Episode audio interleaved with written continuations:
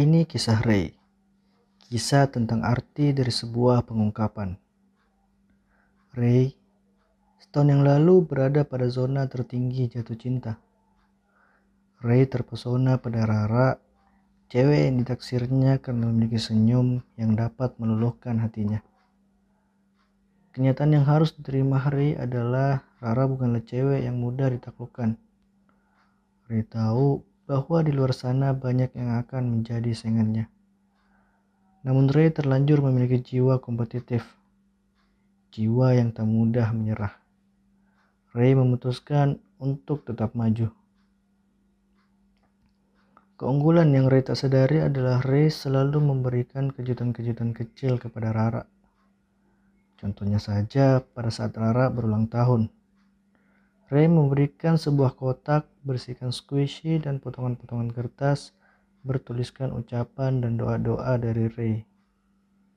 Pernah juga di sebuah pagi, Ray memberikan sekotak susu dan ucapan selamat pagi. Begitupun kejutan-kejutan kecil lainnya. Hari terus berlalu. Perlahan, Rara memberikan respon yang baik kepada Ray.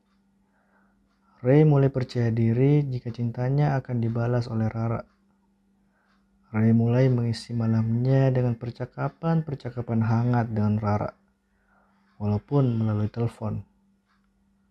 Masalahnya, Ray adalah orang yang sulit untuk mengatakan cinta. Hingga setahun berlalu, Ray tidak pernah berani mengungkapkan cintanya kepada Rara. Hari ini, Ray berencana menyatakan bahwa dirinya mencintai Rara. Dengan perasaan yang tak karuan, Ray meminta Rara untuk bertemu di suatu tempat. Rara menyetujui.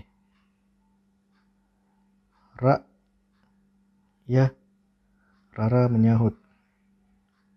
Ada yang mau aku cerita, Ra? Apa tuh, Ray? Tanya Rara. Setahun yang lalu, aku sedang patah hati, Ra. Saat itu, aku benar-benar rapuh. Bayangin aja, Ra. Aku tiba-tiba ditinggalin tanpa alasan yang jelas. Dan gak lama setelah itu, eh dia nikah sama yang lain. Untungnya patah hati itu gak berlangsung lama, Ra. Kamu tahu kenapa? Karena kamu hadir di hidupku, Ra. Entah takdir entah apa, kamu tiba-tiba muncul sebagai pemeran baru dalam teater hidup aku. Peranku terasa hidup kembali dengan perasaan yang baru. Dan perasaan itu ke kamu, Ra. Ray, semenjak kamu sering memberikanku kejutan-kejutan kecil, aku pun memiliki perasaan yang sama ke kamu.